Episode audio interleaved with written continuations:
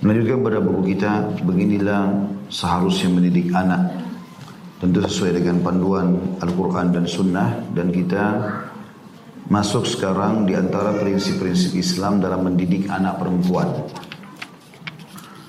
Yang pertama, ada larangan membenci anak perempuan. Mungkin kalau ada bapak ibu yang bertanya, kenapa harus ada subjudul seperti ini? Karena memang orang-orang Arab jahiliyah dulu dan Islam datang menghapus tradisi itu, mereka membenci kalau punya anak perempuan. Mereka menganggap kalau punya anak perempuan berarti tidak akan punya kedudukan di masyarakat. Paling tinggi kalau besar menikah selesai. Dia akan ikut sama suaminya, dia tidak lagi membawa nama-nama orang tuanya gitu kan. Jadi walaupun ternisbatkan kepada ayahnya, tapi setelah menikah dia wajib patuh sama suaminya. Oh, suaminya tadinya orang lain misalnya. Nah kemudian juga mereka punya di masa jahiliyah itu tradisi-tradisi yang keliru sekali. Selain mereka membenci anak perempuan, baik anaknya sendiri ataupun anak dari orang lain. Jadi ada pernikahan yang haram di masa jahiliyah, maksudnya haram setelah Islam ya. Di masa jahiliyah itu ada pernikahan yang uh, sebenarnya bukan nikah zina ya, tapi diistilahkan dengan pernikahan di masa jahiliyah sebagaimana Aisyah menjelaskan radhiyallahu anha masalah itu.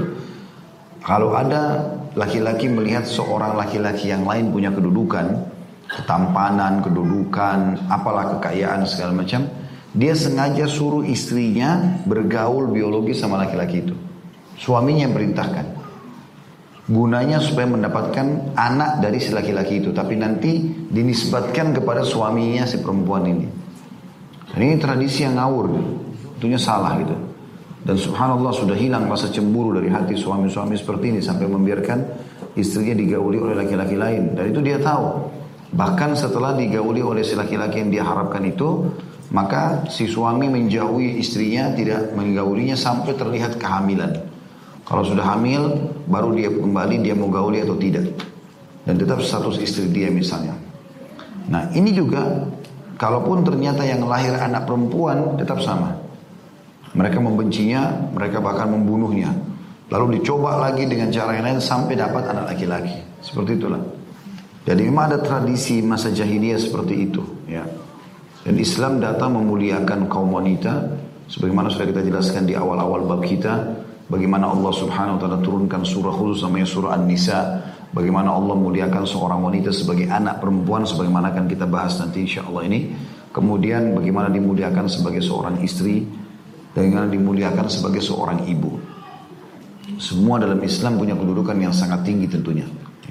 Bahkan dari sisi keadaan misalnya mereka haid ya, dan tidak sempat atau tidak ada sholatnya tetap diberikan pahala yang sama dengan kaum laki-laki walaupun jumlahnya secara kuantitas lebih sedikit dari sumber-sumber amal-amal yang lainnya tentunya. Jadi itu sebab judul di sini kenapa ada penulis angkat larangan membenci anak perempuan. Ya, karena ada juga sampai sekarang masih ada laki-laki begitu ya. Masih ada orang tua begitu. Mereka berharap punya anak perempuan tapi tidak banyak satu saja misalnya. Selebihnya pengen punya anak laki-laki. Karena berharap kalau laki-laki nanti akan membawa namanya dia menjadi tokoh masyarakat dan seterusnya. Padahal sebenarnya semua itu amanah.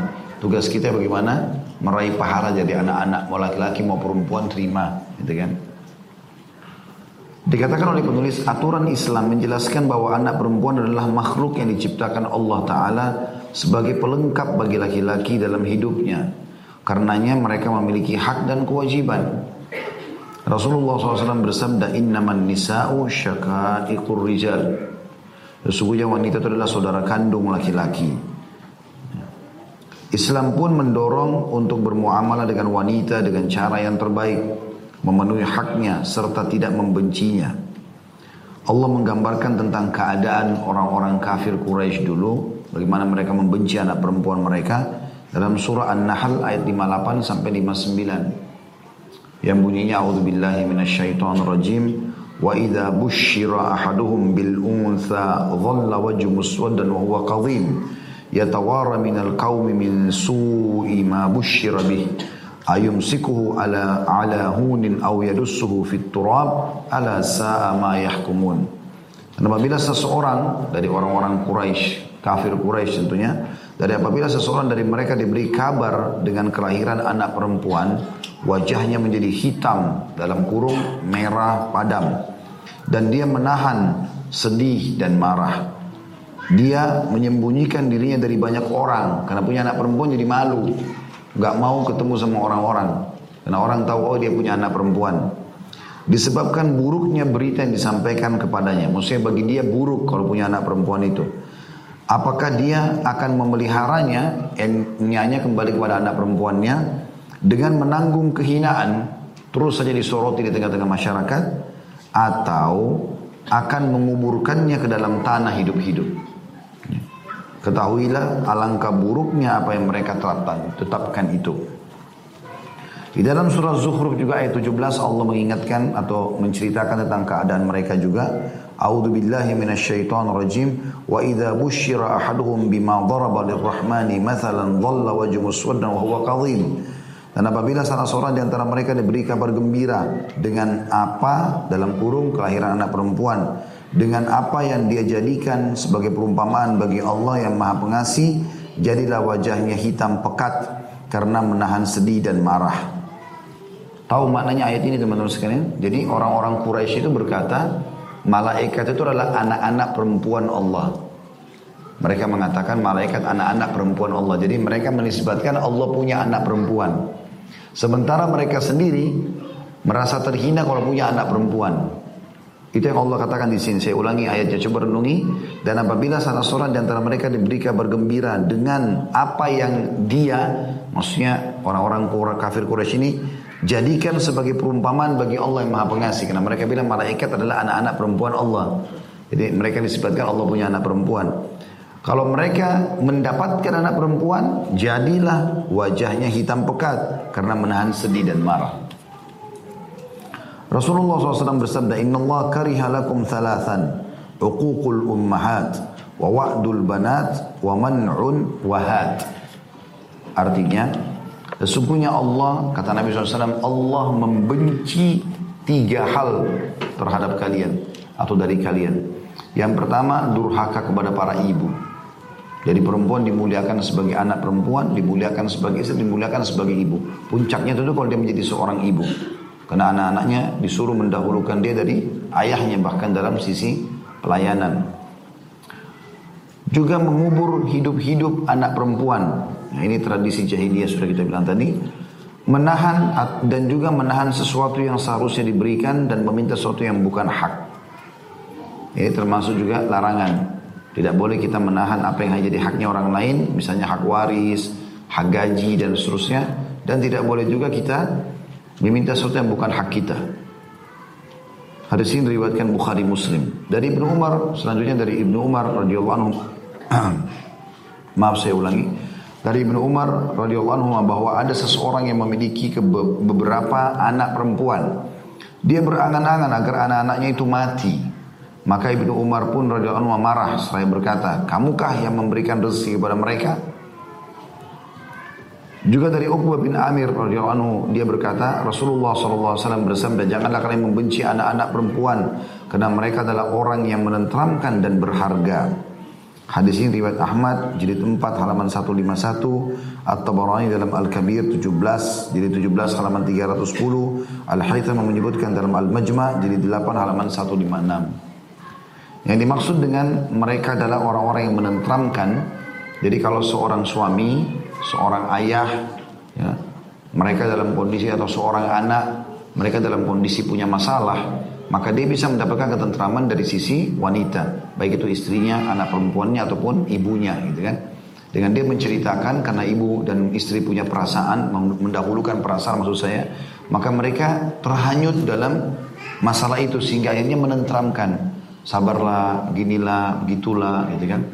Maka itu umumnya perempuan, karena kalau laki-laki menggunakan akal. Masalahnya apa?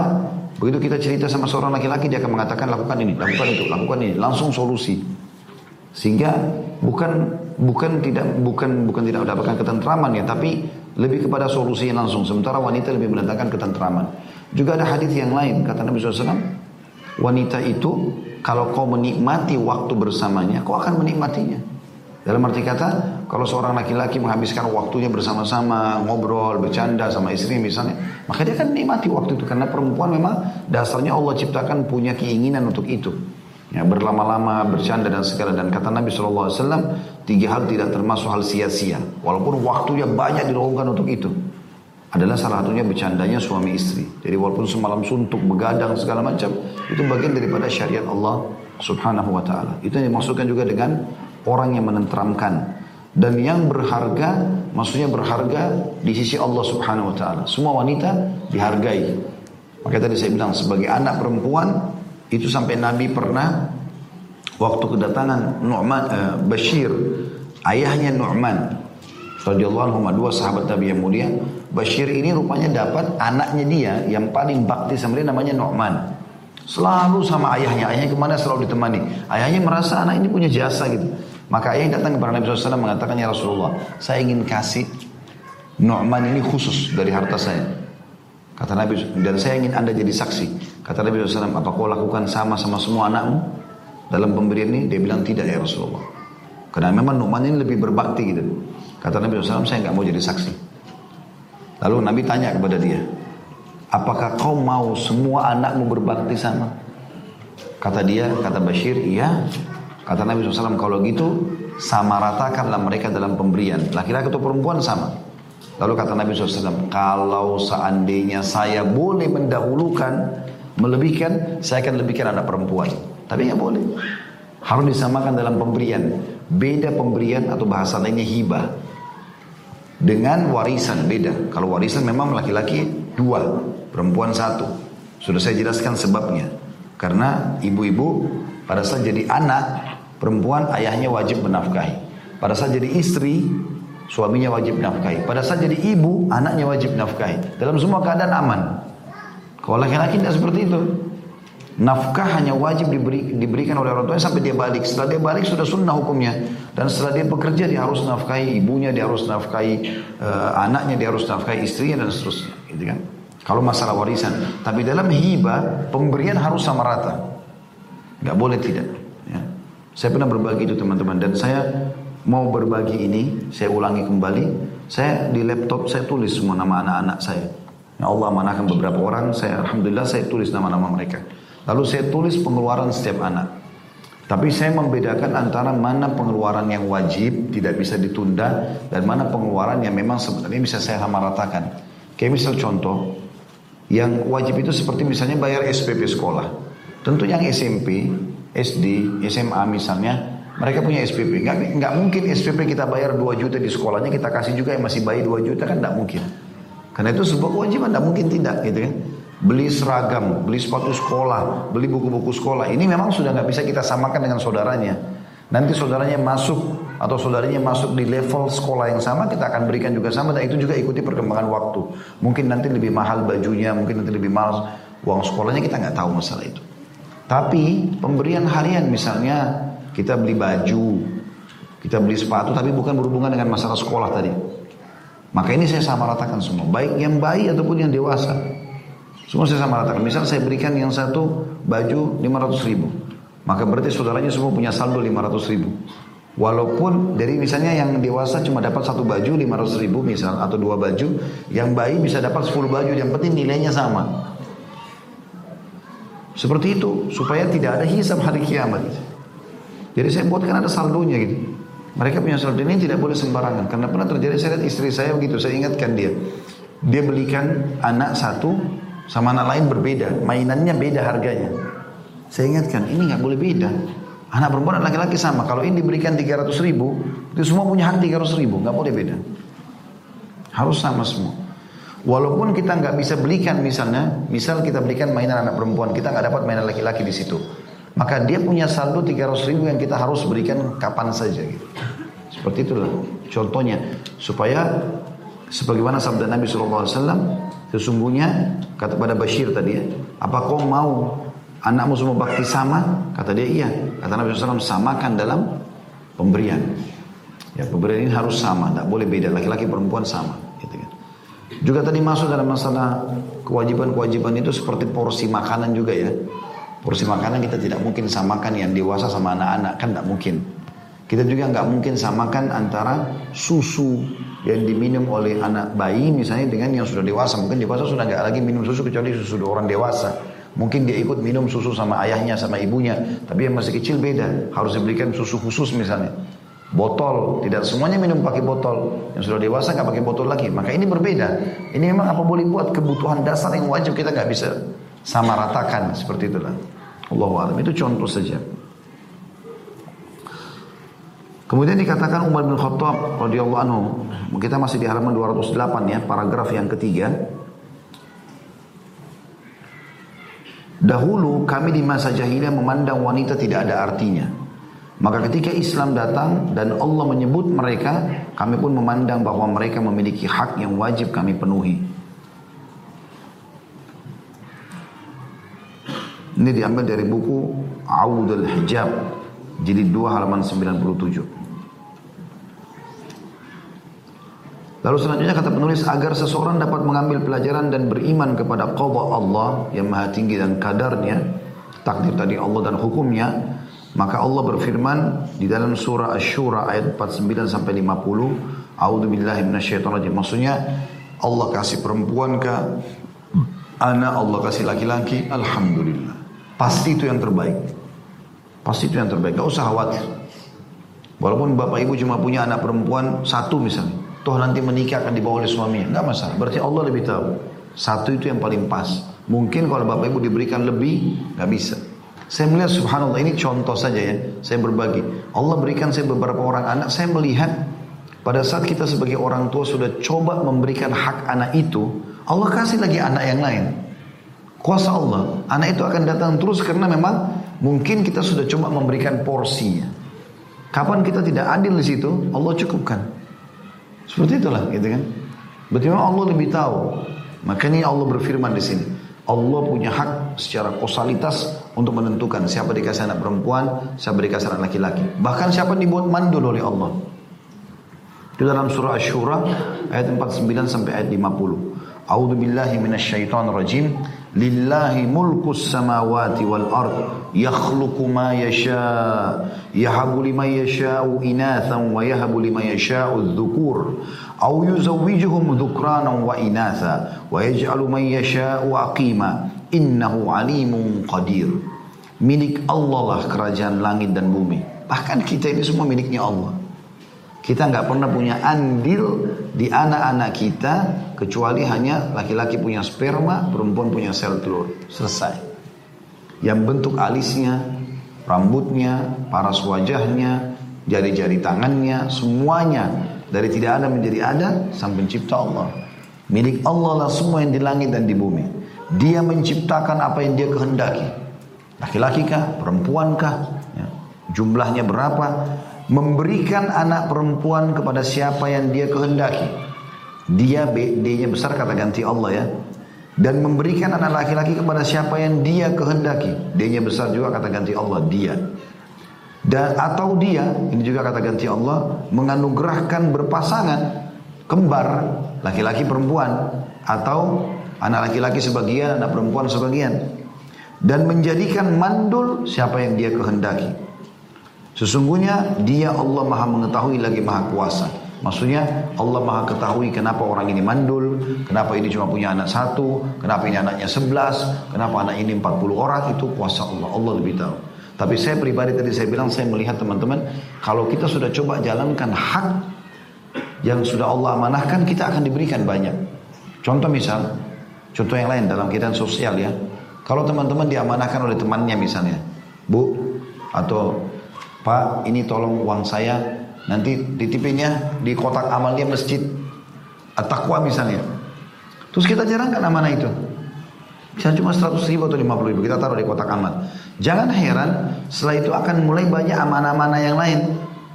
Ada lagi orang titip ini, ada lagi orang titip itu. Karena kita menjalankan amanah awal itu. Begitu terus. Kuasa Allah subhanahu wa ta'ala. Selalu Allah berikan kalau kita memang bisa menjalankannya. Seperti itu kurang lebih. Dan ini termasuk juga jawaban bagi orang yang belum Allah karunia anak. Bagaimana dia berusaha untuk bisa memohon kepada Allah SWT ikhtiar dan pada saat Allah berikan pun dia memberikan yang terbaik. Ada orang saya tahu teman-teman di Madinah teman saya orang Mesir, beliau dokter, punya apotik di Madinah. Dulu sahabat dekat saya, namanya Yasir. Beliau mungkin menikah 10 tahun lebih, nggak punya anak. Padahal dia normal, istrinya normal. Karena mertua masing-masing sehat-sehat dan anak-anaknya banyak. Cuma mereka saja ini, saudara-saudara punya anak, dia belum, mereka belum. Tinggal di Madinah. Orangnya selalu sholat di masjid saat pertama, Masya Allah, ibadah terus. Belum dikasih sama Allah SWT. Tapi setelah dia ikhtiar, dia coba wasiatkan apa namanya, tetap sabar segala macam. Sering bicara sama saya juga waktu itu. Setelah 10 tahun, subhanallah, ah, istrinya hamil, puasa Allah SWT. Lahir kembar. Allah kasih langsung. Saya tidak tahu setelah itu, karena setelah itu saya tidak ketemu lagi. Tapi kalau sudah melahirkan seperti ini, biasanya Allah mudahkan melahirkan lagi. Seperti itulah.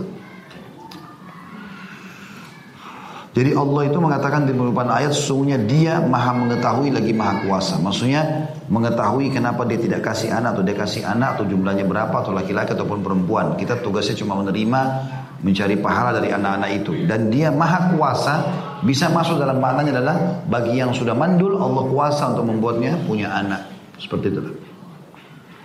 Ibnu Qayyim rahimahullah berkata, dalam menafsirkan ayat ini, Allah Ta'ala membagi keadaan suami istri ke dalam empat bagian berdasarkan kondisi real yang terjadi. Allah mengabarkan bahwa apa yang telah ditakdirkannya bagi keduanya berupa anak, maka sungguhnya keduanya telah diberi anak itu. Seorang hamba akan menerima murkahnya bila dia marah terhadap pemberiannya. Allah Ta'ala memulai dengan menyebutkan wanita. Ada yang mengatakan bahwa hal itu lebih baik bagi mereka karena sikap berat kedua orang tua terhadap keberadaannya. Ada yang mengatakan bahwa hal itu lebih bagus didahulukan wanita karena susuan susunan ayatnya adalah bahwa Allah Ta'ala yang melakukannya sesuai kehendaknya bukan sesuai kehendak ibu bapak karena umumnya kedua orang tua hanya menginginkan laki-laki. Namun Allah Ta'ala mengabarkan bahwa dia menciptakan sesuai kehendaknya Karenanya menyebutkan bagian yang dikehendakinya yang tidak diinginkan oleh kedua orang tua. Artinya kesimpulan dari apa yang disampaikan adalah Allah Ta'ala lebih tahu Siapa yang dikasih anak perempuan, siapa yang dikasih anak laki-laki, siapa yang dikasih lebih banyak anak perempuannya, siapa yang dikasih lebih banyak anak laki-lakinya, siapa yang dikasih laki-laki semuanya, ada yang dikasih perempuan semuanya gitu kan. Ada juga yang tidak dikasih sama sekali. Allah SWT maha tahu masalah itu. Dibagilah ada orang yang dikasih anak, ya, perempuan saja, ada yang dikasih anak, laki-laki saja, ada yang dikasih bercampur laki-laki perempuan, ada yang tidak dikasih sama sekali. Jadi kayak empat golongan manusia yang diberikan anak ini. Dan Allah maha mengetahui tentang masalah itu. Ibnu Qayyim juga rahimahullah berkata di bagian yang sama, Allah Ta'ala mengedepankan sesuatu yang di belakangnya oleh orang-orang dibelakangkan oleh orang-orang jahiliyah yakni tentang anak perempuan sampai mereka dahulu menguburkannya hidup-hidup. Maksud dalam kurung atau tanda kutip bagian yang kalian belakangkan di sisiku adalah terdepan dengan penyebutannya. Jadi maksudnya kenapa di sini perhatikan ayat Al-Qur'annya. Coba kembali ke ayat sebelah supaya jelas apa yang oleh Ibnu Qayyim Lillahi mulku samawati wal ard yakhluqu ma yasha. Sudah lihat? Sampai situ lihat ya. Baik, sekarang yang kita mau belakang lihat ayat setelahnya. Yahabu liman yasha'u inathan wa yahabu liman yasha'u dzukur. Yahab itu artinya memberikan. Lima yasha siapa yang Allah inginkan inathan. Inathan itu perempuan. Wa yahabu dan dia juga memberikan liman yasha siapa yang diinginkan dzukur, laki-laki. Ibnu Qayyim di sini ingin menitik beratkan poin. Apa hikmahnya? Kenapa Allah dahulukan kalimat inas dari zukur? Kenapa Allah bilang Allah memberikan anak perempuan kepada siapa yang dia inginkan? Allah memberikan anak laki-laki kepada siapa? Kenapa Allah dahulukan anak perempuan? Padahal kecenderungan orang tua banyak ingin punya anak laki-laki gitu. Maka beliau mengatakan di sini, perhatikan kita kembali ke halaman sebelahnya. Ibnu Qayyim berkata, Allah Ta'ala mengedepankan sesuatu yang dibelakangkan oleh orang-orang jahiliyah. Maksudnya mereka anggap remeh perempuan. Maka Allah sengaja mengedepankan penyebutan inath karena mereka menghina wanita itu. Itulah. Dan ini bukan berarti perempuan lebih baik daripada laki-laki, bukan. Tetapi Allah ingin menyinggung orang-orang jahiliyah itu yang kalian anggap remeh dulu perempuan suka kalian bunuh-bunuh itu kan ciptaanku. Maka Allah mendahulukan kalimat inath di sini. Saya ulangi lagi kata beliau, Allah Ta'ala mengedepankan sesuatu yang dibelakangkan oleh orang-orang jahiliyah yakni tentang anak perempuan sampai mereka dahulu menguburkannya hidup-hidup. Maksud tanda kutip kalimat bagian yang kalian belakangkan di sisiku maksudnya anak-anak perempuan tadi adalah terdepan dalam penyebutannya. Perhatikanlah bagaimana Allah Ta'ala menakirahkan kata wanita Yaitu kata inathan tanpa alif lam Sedangkan untuk laki-laki dimakrifatkan dengan menggunakan alif lam pada kata az-zukur. Maksudnya cacat yang disangka oleh orang-orang jahiliyah ada para wanita dikedepankan sedangkan cacat pada bagian terakhir dimakrifatkan. Karena ta'rif itu maksudnya adalah pernyataan bersih. Sedangkan dia berfirman dia memberikan kepada orang-orang yang dikehendakinya orang-orang yang pandai yang ditokohkan bagian tidak samar bagi kalian. Kemudian karena disebutkan dua bagian itu secara bersamaan dikedepankan laki-laki untuk memberikan masing-masing kedua belah pihak haknya berupa takdim atau penyebutan di depan dan takhir penyebutan di akhir dan Allah lebih mengetahui tentang maksudnya.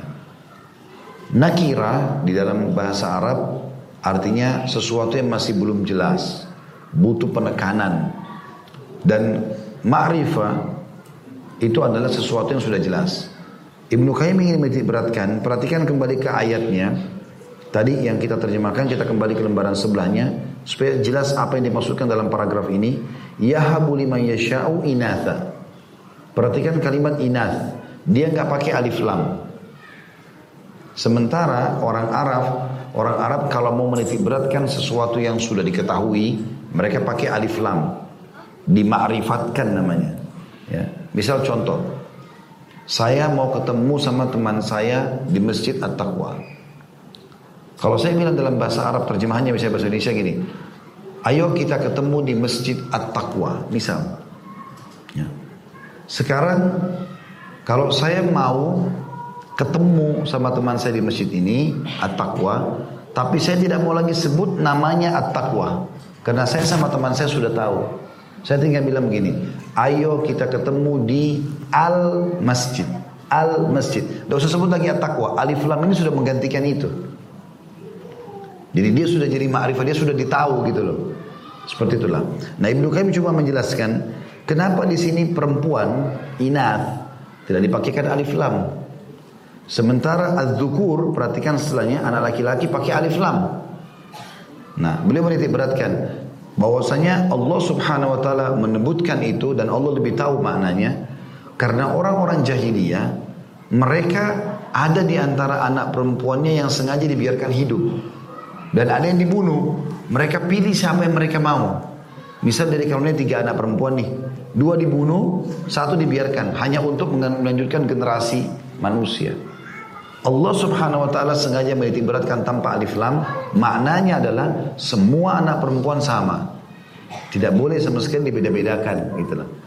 Sementara anak laki-laki yang memang dasarnya sudah punya kedudukan di sisi mereka, sudah digunakan alif lam karena sudah diketahui. Memang mereka tidak akan pernah bunuh anak laki-laki mereka. Seperti itu kurang lebih makna daripada paragraf itu yang saya tangkap ya. Mudah-mudahan itu benar. Saya coba memahami saja.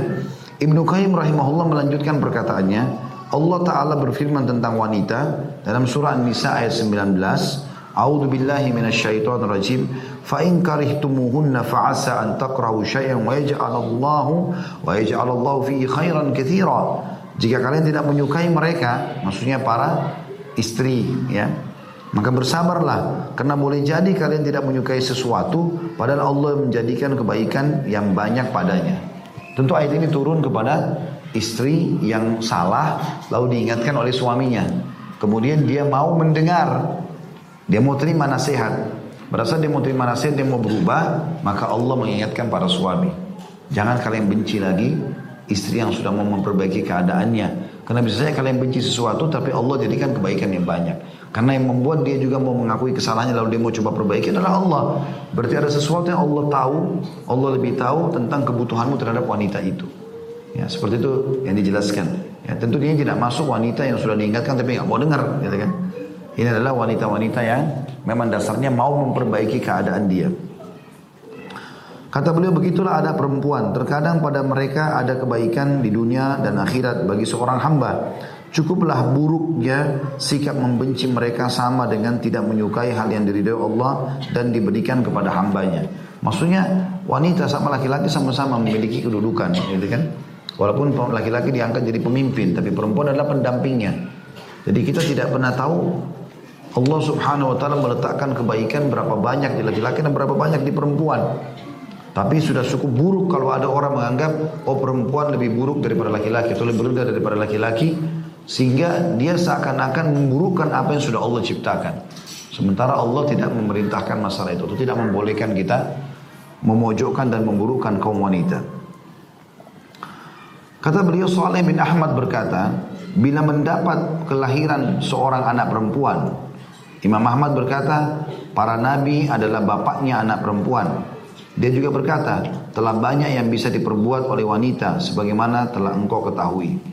Maksudnya Saleh bin Ahmad berkata, mereka merasa terganggu orang Quraisy kalau dapat anak perempuan. Saya akan menyampaikan tafsir ayat tadi.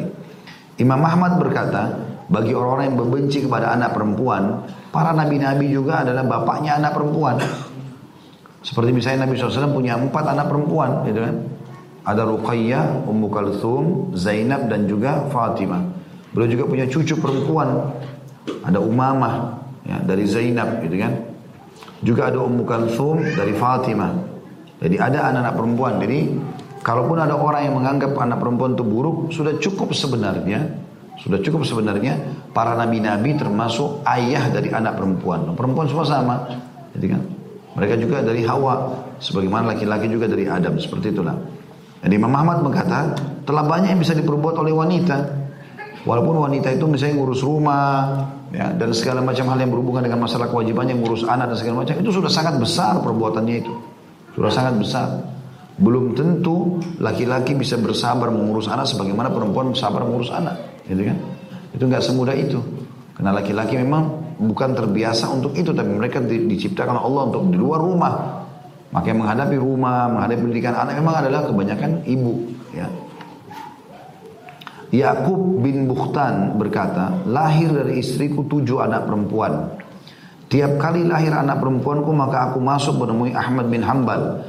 Lalu dia berkata kepada wahai Abu Yusuf, para nabi itu bapaknya anak perempuan. Maka dengan perkataan itulah rasa sedihku menghilang. Maksudnya dia berharap dari tujuh anak ini ada laki-laki tapi semua Allah kasih perempuan. Maka dia merasa ada kesedihan. Bagaimana caranya konsultasi sama ulama? Datanglah kepada Imam Ahmad tanya. Maka Imam Muhammad mengatakan, ada apa kok sedih? Toh juga nabi-nabi adalah ayah perempuan. Ya, tidak ada sesuatu yang perlu dikhawatirkan.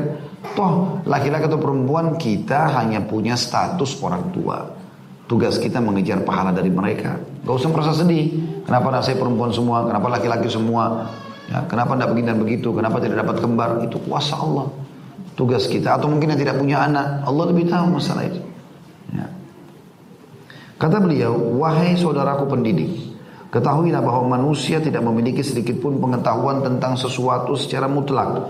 Maka Allah Ta'ala maha mengetahui lagi maha kuasa. Dia mengetahui segala yang akan terjadi dan yang telah terjadi, baik tentang laki-laki maupun perempuan. Terkadang anak perempuan menjadi kenikmatan bertambah kenikmatan Sebagaimana hal ter tersebut nampak jelas bagi kita. Bahkan terkadang anak laki-laki bisa menjadi azab bagi kedua orang tuanya. Memaksanya untuk berbuat melampaui batas dan kekafiran. Sebagaimana dalam kisah seorang anak yang dibunuh oleh Khidir dalam surah Al-Kahfi. Tahu kisah anak itu ya? Anak laki-lakinya ada orang dari satu orang tinggal di satu perkampungan. Ayah ibunya adalah orang soleh. Kemudian anak ini selalu durhaka sama ibu ayahnya kasar, keras, segala macam sampai memaksa orang tuanya kufur, maka Allah perintahkan Nabi Khidir untuk membunuhnya. Dalam surah Al-Kahfi yang sering kita dianjurkan baca di malam Jumat gitu kan. Aturan Islam menghilangkan gambaran buruk tentang anak wanita dalam kurung dan melarang membenci mereka. Menghalalkan cinta kepada sesuatu yang dicintai Allah Ta'ala dan diberikannya kepada kedua orang tua. Sesungguhnya kebaikan ada pada pilihan Allah dan dia dipilihkan buat hambanya bukan pada pilihan hamba buat dirinya. Maksudnya Allah lebih tahu memilihkan buat hambanya sebagai pencipta, laki-laki kah, perempuan kah, dan seterusnya. Yang kedua yang harus difahami di sini, selain tadi yang pertama, masalah anak perempuan, kita tidak boleh membenci anak perempuan. Yang kedua adalah persamaan antara laki-laki dan perempuan. Islam mendorong untuk berlaku adil. Ada footnote nomor 70 situ kecil di bawah. Adil tidak bisa diartikan secara mutlak dengan persamaan. Karena kalau menyamakan antara sesuatu yang berbeda adalah kezaliman. Adil adalah menempatkan sesuatu pada tempatnya atau memberikan hak kepada yang mempunyai hak. Tadi sudah saya bilang, kalau misalnya kita berikan uh, makanan, pakaian yang kita bisa menyamakan nilainya samakan. Tapi kita tidak mungkin samakan ukurannya. Misal contoh. Jadi adil itu justru memberikan yang cocok, yang sesuai. Yang penting misalnya tadi, yang paling gampang nilainya misalnya. Karena tidak tidak mungkin anak kita SMA bajunya ukurannya besar disamakan dengan ukuran baju bayi, nggak mungkin sama. Tapi kita bisa samakan dari sisi nilainya. Ya. Kita kembali ke tadi, dikatakan Islam mendorong untuk berlaku adil dalam bermuamalah antara laki-laki dan perempuan. Baik dalam cinta, belajar, menuntut ilmu, pembagian warisan, serta seluruh hak. Mereka sama dalam cinta, sama dalam pemberian, dan sama dalam muamalah. Allah Ta'ala berfirman dalam surah An-Nisa ayat 1, A'udhu billahi rajim, يا أيها الناس اتقوا ربكم الذي خلقكم من نفس واحدة وخلق منها زوجها وخلق منها زوجها وبث منهما رجالا كثيرا ونساء واتقوا الله الذي تساءلون به والأرحام إن الله كان عليكم رقيبا Wahai manusia, kata Allah, bertakwalah atau tunduklah kepada Tuhan kalian yang telah menciptakan kalian dari diri yang satu, yaitu Adam alaihissalam dan Allah telah menciptakan pasangannya dari jiwa yang satu itu Hawa alaihissalam. Dan dari keduanya Allah memperkembangbiakan laki-laki dan perempuan yang banyak. Bertakwalah kepada Allah yang dengan namanya kalian saling meminta. Dan perihalalah hubungan kekeluargaan. Sesungguhnya Allah selalu mengawasi kalian. Beliau juga wasallam bersabda, "Innaman nisa'u ikur rijal." Sesungguhnya wanita itu saudara kandungnya laki-laki. Aturan Islam mengajarkan kepada para orang tua pendidik cara muamalah antara laki-laki dan perempuan dengan sama tanpa perbedaan antara keduanya. Bahkan Rasulullah SAW menjadikan persamaan antara laki-laki dan perempuan sebagai salah satu sebab masuk dalam surga. Abu Dawud meriwayatkan dari Ibnu Abbas radhiyallahu anhu dia berkata, Rasulullah SAW bersabda, "Man kanat lahu untha falam ya'idha walam yuhinha walam yu'thir waladaha yakni dzukur adkhalahu Allahul jannah. Barang siapa yang memiliki anak wanita lalu dia tidak menguburkannya hidup-hidup tidak menghinakannya dan tidak mengutamakan anaknya maksudnya anak laki-lakinya disaya Allah akan memasukkannya ke dalam surga. Artinya kalau dia samakan antara anak laki-laki sama anak perempuan. Dari Nu'man ibn Bashir juga radhiyallahu anhu dia dan ayahnya sahabat dia berkata, bapakku memberikan kepadaku separuh hartanya. Maka ibuku Amrah bin Rawaha radhiyallahu anha berkata, aku tidak ridho sampai engkau angkat Rasulullah SAW sebagai saksi atas hal ini. Lalu bapakku pergi kepada Nabi SAW untuk mengangkat beliau menjadi saksi terhadap pemberiannya. Maka Rasulullah SAW bersabda kepadanya, saya kepada Bashir, ayah Nu'man, apakah engkau juga melakukan hal ini kepada semua anakmu? Dia menjawab, tidak. Maka beliau SAW bersabda, bertakwalah kepada Allah dan berlaku adillah terhadap anak-anakmu. Kemudian bapakku pulang dan menarik kembali pemberiannya. Ini kisah tadi yang sudah saya sampaikan ya. Bagaimana Bashir merasa anaknya Nu'man lebih berbakti maka dia mau kasih lebih. Dalam salah satu riwayat lain, beliau SAW bersabda, kalau begitu jangan kau angkat aku sebagai saksi. Karena aku tidak mau jadi saksi terhadap kezaliman. Dalam salah satu riwayat lain dikatakan, kemudian beliau SAW bersabda, sukakah kamu kalau mereka atau anak-anakmu sama berbaktinya kepadamu? Maka Bashir mengatakan, tentu. Kata Nabi SAW, kalau begitu jangan lakukan. Hadis ini riwayat Bukhari, jilid 5 halaman 211, nomor hadisnya 2587, Muslim jilid 3, halaman 1241, nomornya 1623. Maksudnya jangan kau lakukan, jangan kau berikan Nu'man ya, anaknya tadi yang dia mau lebihkan itu. Al-Bazzar, ini nama orang meriwayatkan juga dari dari Anas radhiyallahu anhum bahwa seseorang pernah berada di dekat Nabi SAW lalu datanglah kepadanya putranya. Kemudian dia didudukkan di atas pahanya, maksudnya si putra tadi. Lalu datang pula putrinya, lalu dia didudukkan di depannya.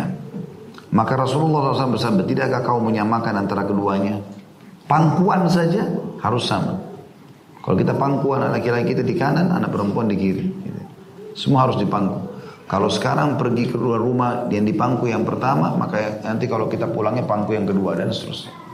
Kecuali tentu kalau sudah besar, sudah bukan lagi umur-umur yang seperti ini, mungkin dia pun juga sudah malu berbeda. Ya. Kecermatan dan cara Nabawi ini dalam mengatur muamalah antara anak laki-laki dan anak perempuan tidak dikenal oleh masyarakat manusia. Tidak diketahui oleh buku-buku dan undang-undang barat serta hak asasi manusia. Bahkan tidak terlintas di hati orang-orang yang menjuluki dirinya sebagai ahli dalam mendidik anak. Inilah aturan Islam dalam mendidik, menanamkan rasa cinta dan persamaan serta keadilan antara anak-anak. Aturan ini melempar jauh-jauh pemisalan atau pemisahan, pemisahan kezaliman dan perbedaan antara anak. Karena inilah mereka saling mencintai dalam satu keluarga dan satu perwujudan islami. Dan biasanya anak-anak itu subhanallah secara alami nuntut ya. Nuntut itu.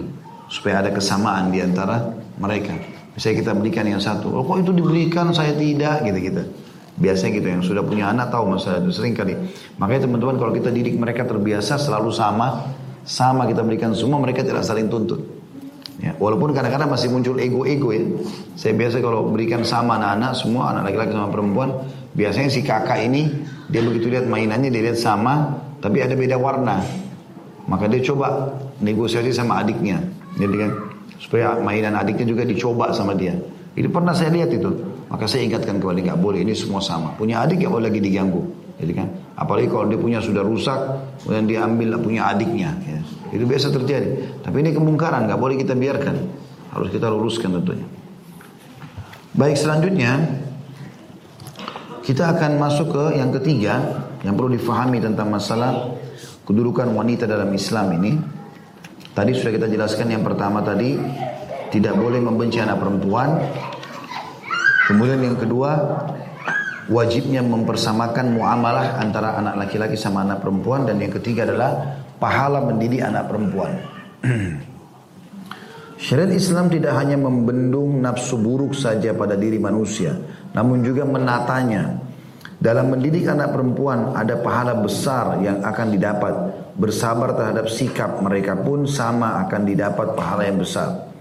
Semua itu bertujuan untuk meredam rasa sakit kedua orang tua, membasahi hatinya dan menyadarkan keduanya betapa pentingnya usaha dan peran keduanya dalam mendidik mereka. Dari Anas radhiyallahu anhu bahwasanya Nabi SAW bersabda, barang siapa yang menanggung dua anak perempuan hingga keduanya balik makannya, minumnya, pakaiannya segala macam, maka akan datang pada hari kiamat aku dan dia seperti ini. Lalu beliau menghimpun kedua jarinya. Jadi ini tidak ada pada anak laki-laki ya, pada anak perempuan sebenarnya, tapi kita harus rata memberikan. Tapi ini tandanya Islam memuliakan sekali anak perempuan sampai kalau dididik ya anak perempuan itu misalnya orang cuma dikasih dua anak perempuan oleh Allah, dia didik sampai balik maka dia akan bersama dengan Nabi SAW nanti di akhirat. Dan ini hadis riwayat Muslim nomor 2631, Tirmidzi 1917. Juga dari Aisyah radhiyallahu anha dia mengatakan atau dia berkata, seorang wanita datang menemuiku dengan membawa dua putrinya sambil meminta. Dia tidak dapati padaku selain sebu, sebuah kurma saja. Lalu aku memberikan kurma tersebut kepadanya. Dia pun membaginya untuk dua putrinya. Sedangkan dia sendiri tidak makan. Jadi Aisyah cuma punya satu butir kurma. Ibu ini minta dikasihlah kurma itu.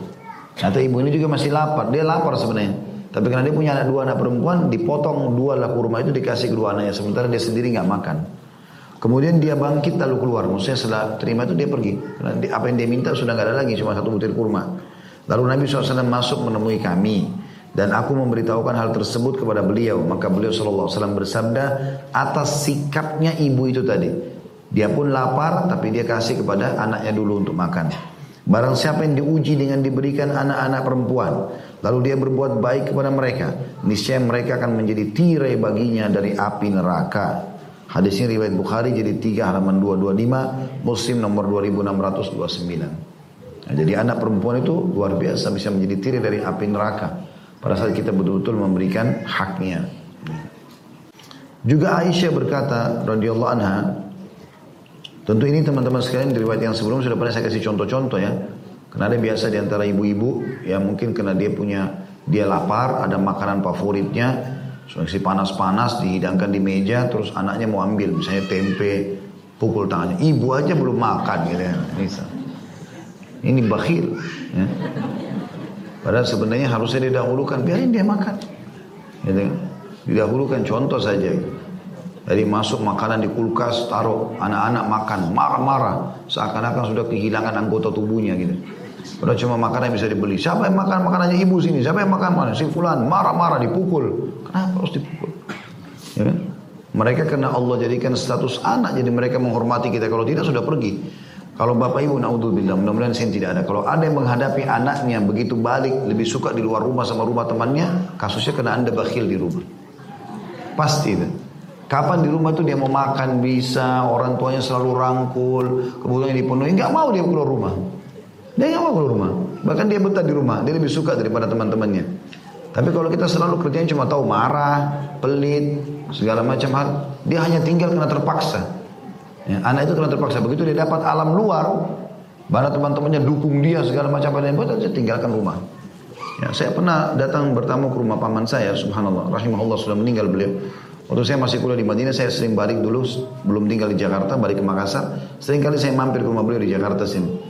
Maka ada anaknya beliau sepupu saya itu punya teman selama berbulan-bulan tinggal di situ. Nggak bisa pernah, nggak pernah pulang ke rumah orang tuanya gitu. Ternyata memang orang tuanya sibuk sendiri dengan alamnya. Keluar, ibu urusan kerjaan mana, ayah urusan kerja apa, ketemunya pun mereka cuma malam, kadang-kadang sudah dua tiga hari mungkin baru ketemu gitu-gitu. Jadi anaknya pun mau tinggal di mana terserah. Dia nggak pusing gitu. Padahal coba dikontrol tanya di mana nak gini itu selesai. Dan ini Membuat akhirnya anak-anaknya tidak ada yang betah di rumah. Dan ini terus kemudian dia kalau sudah tua orang tuanya berharap anaknya bisa bakti sama dia. Gak bakal terjadi. Bermula dari hal-hal yang kecil tadi. Kasih makanan mereka, kasih minuman mereka. Hikmah sunnah nabawi ini luar biasa. Sampai dalam riwayat lain Nabi mengatakan apa yang telah dibuat oleh ibu itu cukup membuatnya masuk ke dalam surga. Hanya karena tadi dia pengen makan kurma, tapi karena cuma satu butir, anaknya didahulukan sama dia. Seperti itulah. Ya. Dari Aisyah radhiyallahu anha dia berkata, seorang wanita miskin datang kepadaku sambil membawa kedua anaknya. Lalu aku memberikan kepadanya tiga buah kurma. Kalau tadi riwayat pertama kan satu kurma, sekarang ada tiga butir kurma. Satu untuknya dan masing-masing dari kedua anaknya. Masing-masing satu berarti. Eh, satu untuknya dan masing-masing dari kedua anaknya sebuah kurma. Ketika dia hendak memakan kurma tersebut, kedua anaknya meminta kurma yang ada padanya. Wanita itu pun membelah kurma yang hendak dimakannya untuk diberikan kepada kedua anaknya. Hal itu membuatku heran. Aku pun menceritakan hal, hal yang dilakukannya kepada Nabi SAW. Maka beliau bersabda, sungguhnya Allah telah mewajibkan surga baginya karena perbuatannya itu atau membebaskan dari neraka karena perbuatannya itu. Hanya dahulukan makannya anak. Jadi kita sebagai orang tua malah sabar. Kalau mereka sudah kenyang baru gitu. Saya pernah ingatkan istri saya begitu, anak-anak kan makan, kan di rumah kan banyak cemilan, kan makan ini makan itu. Karena dia bilang, anak-anak ini nggak nggak kenyang-kenyang makan terus. Nggak apa-apa biarin bang. Kenapa memang? Kalau mereka sudah kenyang pasti nggak mau makan lagi. Selama masih minta berarti masih butuh. Pahala kasih. Apa yang susah gitu? Kenapa harus perhitungan gitu? Ini mendahulukan kurma saja buat anaknya. Nabi jamin baginya surga. Dalam riwayat ini juga dikatakan atau membebaskan dari neraka. Dan dari hadis Ayyub ibn Bashir al-Ansari dari Abu Sa'id al-Khudri radhiyallahu anhuma bahwa Rasulullah SAW bersabda, tidaklah seseorang memiliki tiga anak perempuan atau dua anak perempuan atau dua orang saudari perempuan, saudara perempuan, ya. Lalu dia bertakwa kepada Allah dalam urusan mereka dan dia berbuat baik kepada mereka, melainkan dia akan masuk surga. Hadis ini riwayat Ahmad di nomor 5100 maaf hadis ini diriwayatkan oleh Ahmad dalam musnadnya di jilid 3 halaman 42 dan halaman 97 Abu Daud juga menyebutkan menyebutkan dengan riwayat yang mirip di nomor 5148. Bukhari dalam Adab Mufrad juga menyebutkan nomor 79. Al-Humaydi juga meriwayatkan dari Sufyan, dari Abu Saleh, dari Ayyub bin Bashir, dari Sa'id ibn Al-Ash ibn Ayash, uh,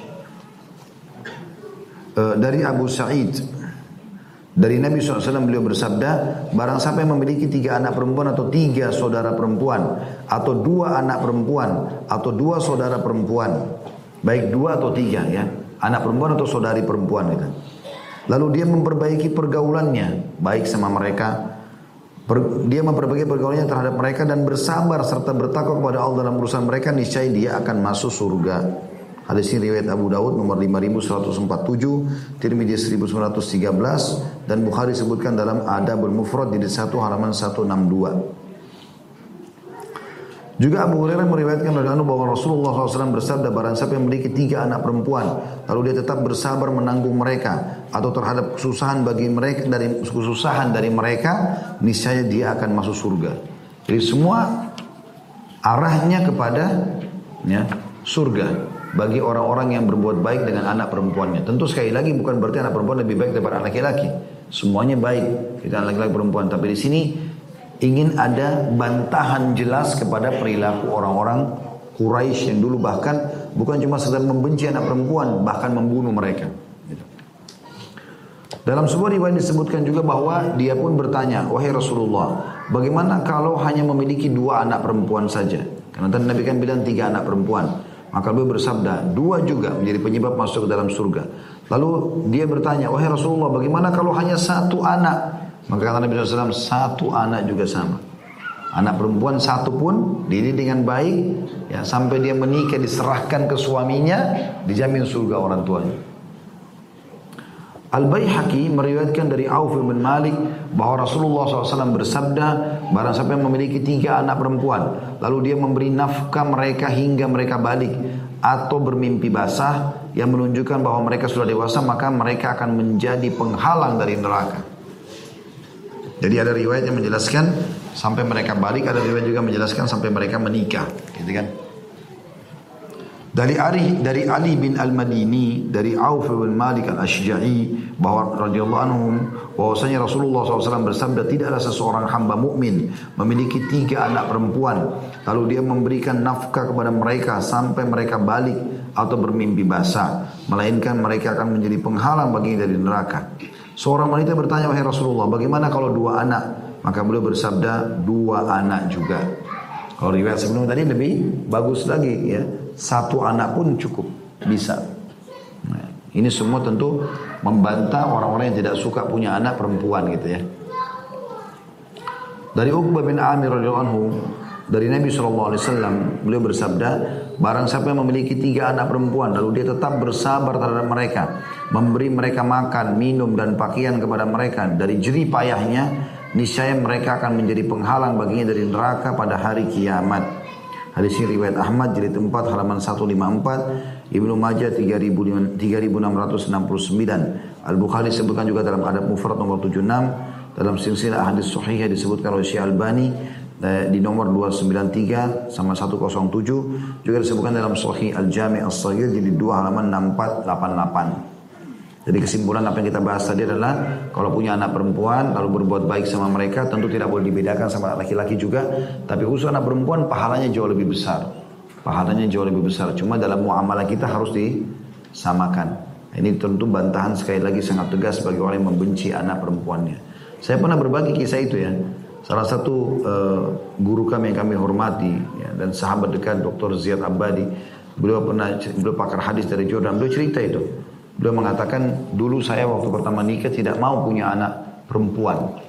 Saya berharap, dia bilang saya berdoa sama Allah ya Allah, jangan kau karuniakan aku anak kecuali laki-laki.